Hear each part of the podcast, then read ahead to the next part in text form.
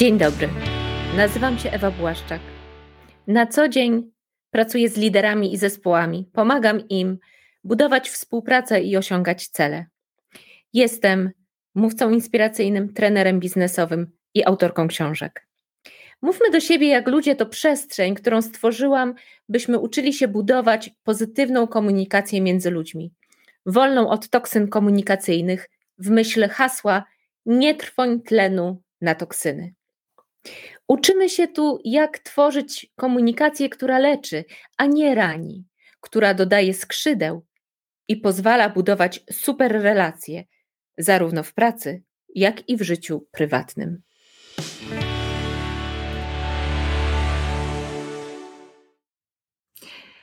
Odcinek dziesiąty. Czy słowa mogą zadać realny ból? Głos neurobiologii. Kiedy pisałam książkę Mówmy do siebie jak ludzie, komunikacyjny detoks, bardzo szybko natknęłam się na różnego rodzaju powiedzenia występujące, funkcjonujące w naszym języku, dotyczące właśnie toksyn komunikacyjnych. Wbić komuś szpilę, czy to, co powiedział, złamało moje serce. I zaczęłam się zastanawiać nad tym, czy toksyczne słowa rzeczywiście mogą wpłynąć bezpośrednio na nasze ciało, czy mogą zadać ból, czy mogą to nasze ciało skrzywdzić. Proszę Państwa, jest takie angielskie powiedzenie: Stick and stones may break my bones, but words can never hurt me. Czyli, że pałka i kamień mogą połamać mi kości, ale słowa nigdy nie mogą mnie skrzywdzić. Czy to prawda? Zróbmy taki eksperyment. To jest eksperyment, który był przeprowadzany w ramach badań naukowych y, nad właśnie skutkiem słów, y, jak słowa wpływają na nasz mózg. Usiądźmy wygodnie, skupmy uwagę na oddechu przez chwilę. Usiądźcie sobie, zauważcie swój oddech, uspokójcie go, wydłużcie. Zauważcie, jak wasz wdech robi się coraz głębszy, wydech coraz dłuższy. Wprowadźmy ciało w stan relaksu.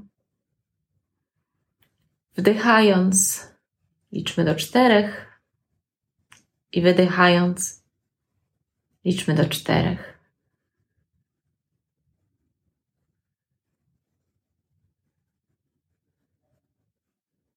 Teraz poproszę każdego z Was, żeby w swoim własnym tempie zaczął wymawiać słowo nie.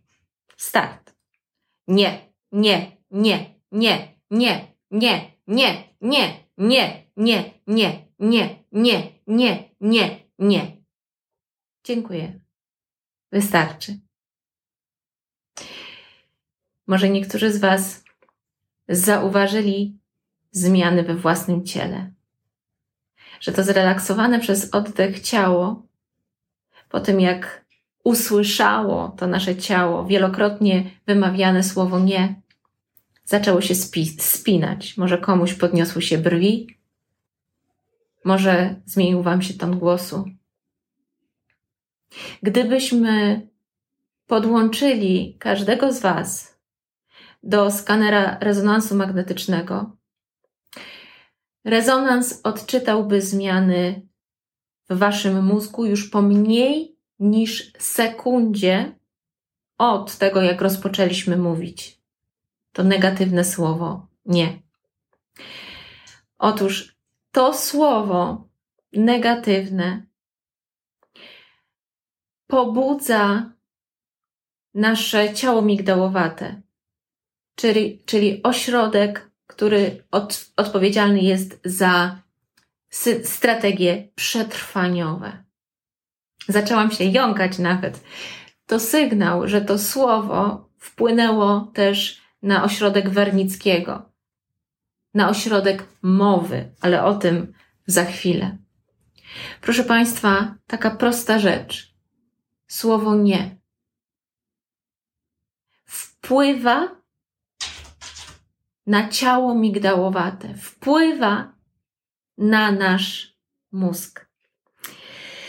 Okazuje się, że negatywne słowa przekładają się na ekspresję hormonów, neurotransmiterów uruchamiających reakcję stresową. Co więcej, długotrwałe skupianie się na negatywnych słowach, na negatywnej komunikacji, czy to zewnętrznej, czy wewnętrznej, uszkadza, uwaga, uszkadza fizycznie, uszkadza struktury mózgu regulujące pamięć, uczucia i emocje.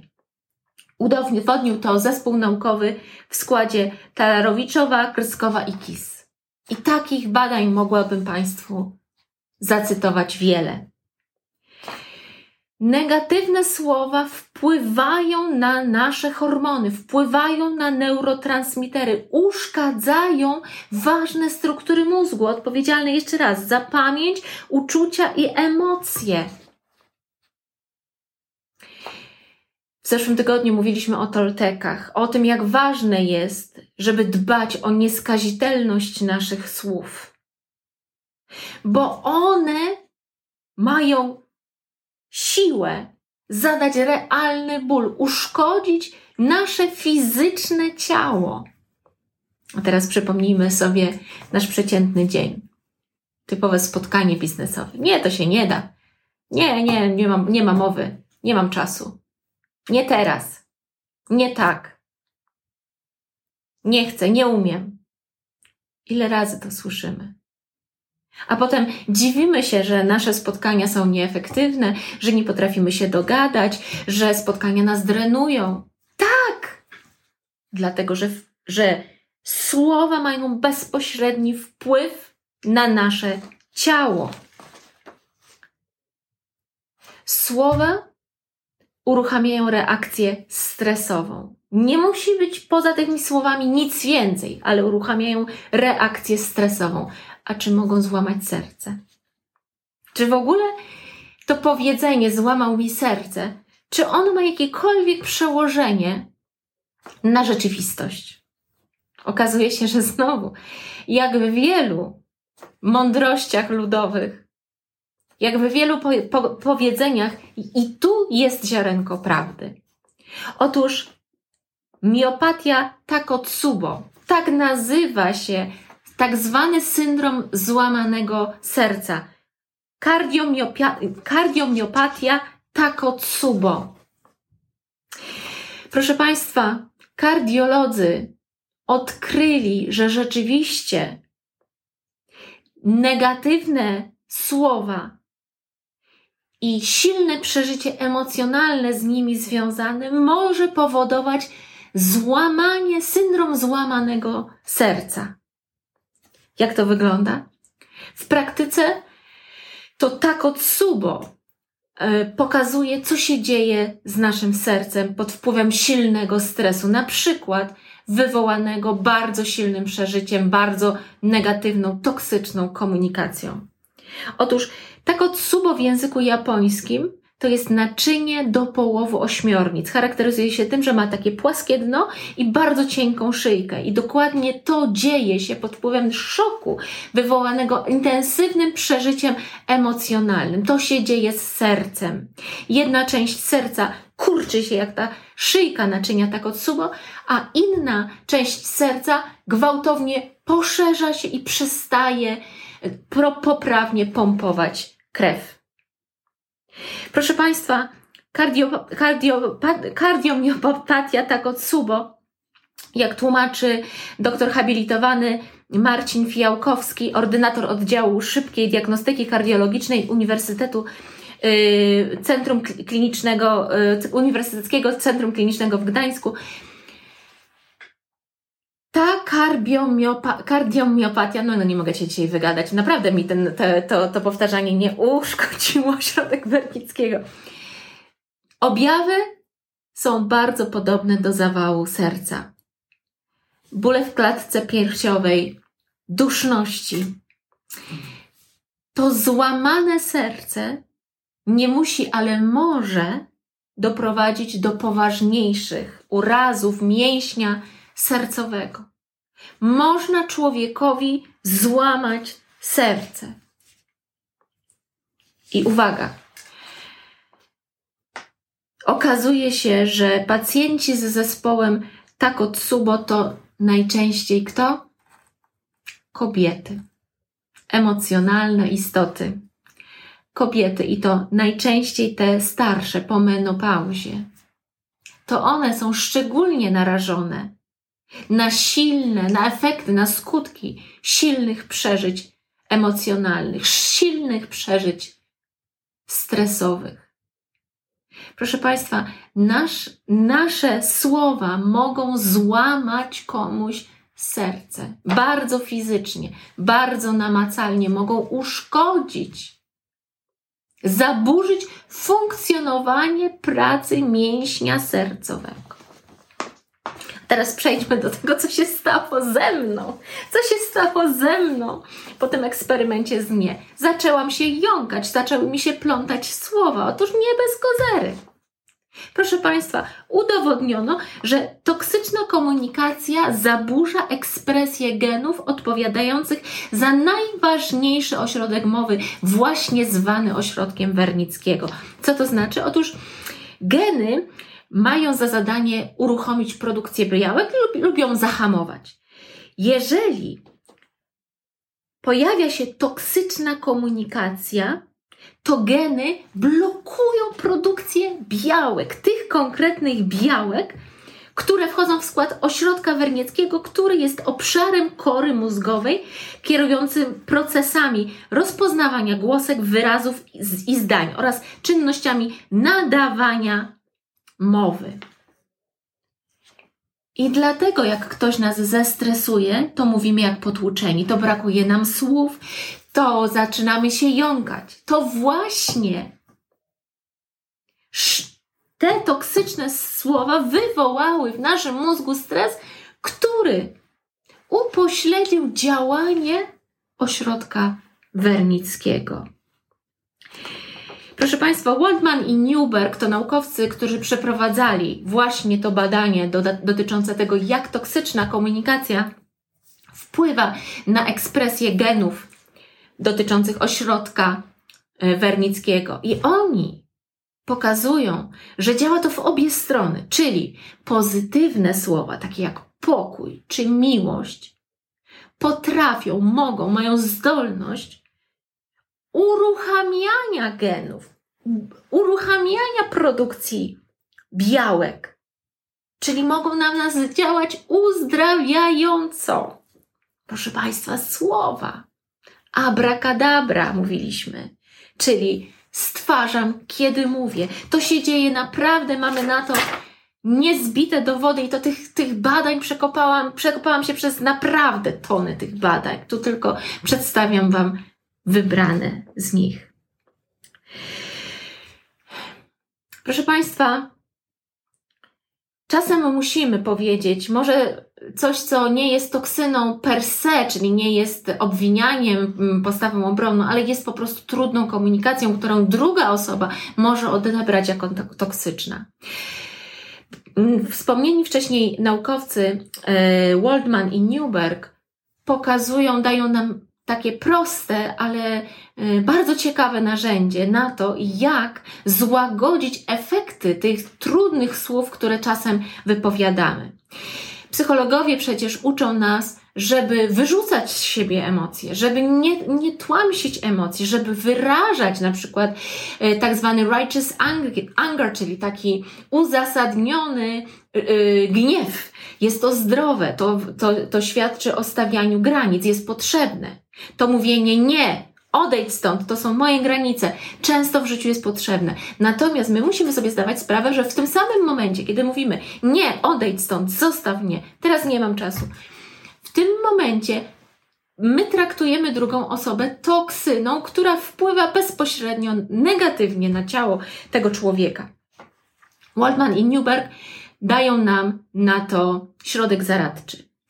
Udowodnili, że dobrym sposobem na wyrażanie toksycznej komunikacji, tej trudnej komunikacji, tej emocjonalnej komunikacji jest dawkowanie tejże komunikacji. Okazuje się, że jeżeli komunikat ten toksyczny, trudny, ograniczysz do 30 sekund, to taki komunikat po pierwsze nie zdąży uruchomić akcji obronnej ze strony układu limbicznego, czyli układ limbiczny nie zdąży włączyć gadziego mózgu. Po drugie, takie krótkie, 30-sekundowe wypowiedzi, jeżeli są trudne, są dużo lepiej, dużo lepiej trafiają do rozmówcy.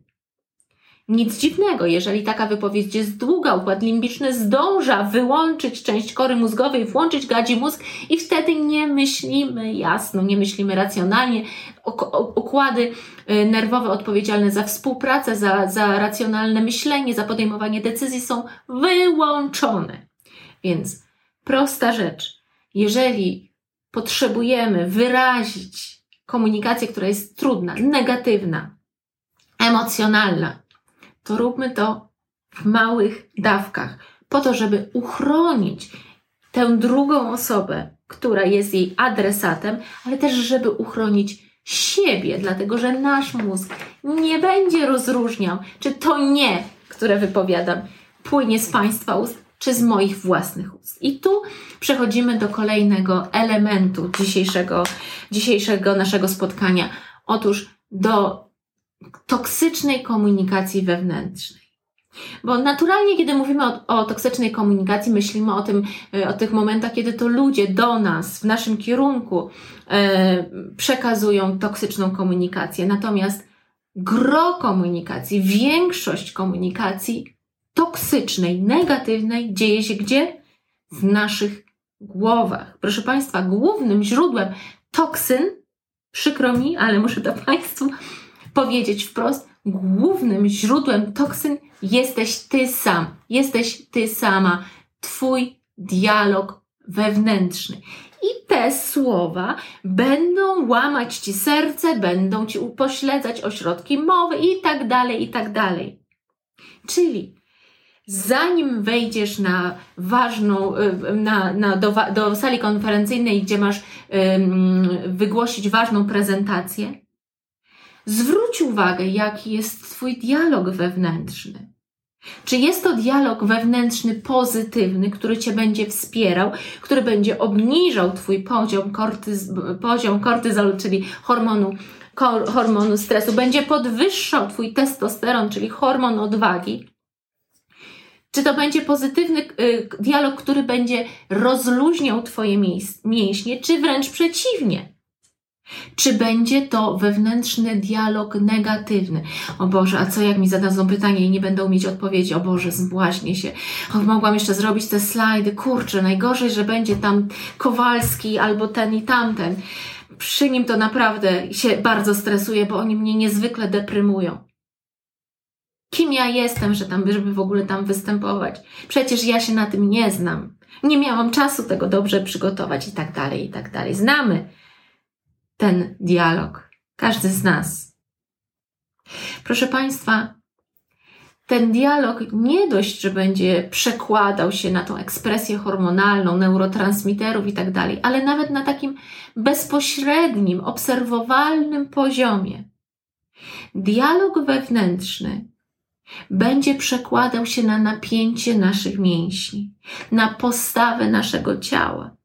Jeżeli mamy dialog wewnętrzny, negatywny, to nasza postawa ciała, nasze mięśnie się będą napinać, szczęki się będą napięte, czoło zmarszczone, automatycznie nasze ramiona będą pod, podwyższone, pozycja zamknięta. Proszę Państwa, my będziemy niczym billboard mówić do naszych interlokutorów: boję się Was, nie jestem autorytetem, nie, nie czuję się kompetentny, kompetentna. To będzie z Was biło. I też ta druga osoba nie będzie miała takiego poczucia bezpieczeństwa, że jest w dobrych rękach. I z dobrej komunikacji, i z, y, z przekonywania ludzi, nici. Proszę Państwa, ten dialog wewnętrzny to nie tylko to, co się dzieje z nami podczas wystąpień w pracy, ale chciałabym zacytować wnioski z, z przeprowadzonych przez Marię Richter badań nad dziećmi.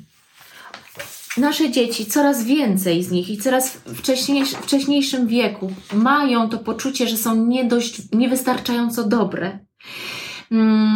Mają problemy z poczuciem własnej wartości, co przekłada się wprost na dialog wewnętrzny. I teraz dr Maria Richter analizowała, co się, co się dzieje z dziećmi, które podlegają y, takiemu bombardowaniu przez negatywne słowa.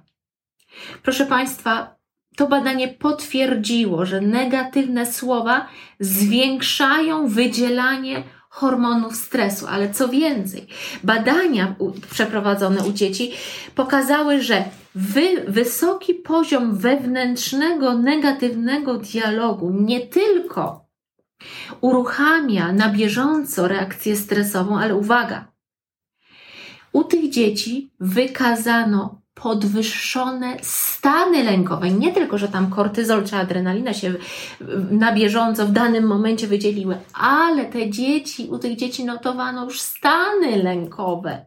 I to uwaga, chroniczne stany lękowe, które cytuję, utrzymywały się u nich w późniejszych latach życia. Uważaj na to, jak rozmawiasz z sobą. Mówiłam już to i będę powtarzać do znudzenia. Sama nad tym pracuję. Wszyscy mamy, wszyscy tak naprawdę mamy kłopot z poczuciem własnej wartości. Wynika to z faktu, że Nikt z nas nie miał idealnego dzieciństwa. Nasi rodzice też są poranieni i nikt nas nie uczył, jak wychowywać dzieci tak, żeby miały pozytywny dialog wewnętrzny. Więc ten negatywny dialog wewnętrzny jest u każdego z nas. I potrzebujemy na, na to naprawdę zwracać uwagę, bo to się przekłada na nasze życie. I jeszcze raz podkreślę. Negatywny dialog wewnętrzny u dzieci powoduje u nich stany lękowe, które utrzymują się chronicznie w późniejszych latach ich życia. Proszę Państwa, chciałabym po tym takim negatywnym, ponieważ no, mówimy o detoksie komunikacyjnym, więc ch chcę przede wszystkim zwiększyć naszą świadomość i czujność, ale chciałabym zakończyć pozytywnie, bo oczywiście nasz mózg jest plastyczny. My możemy zmieniać nasze nawyki komunikacyjne.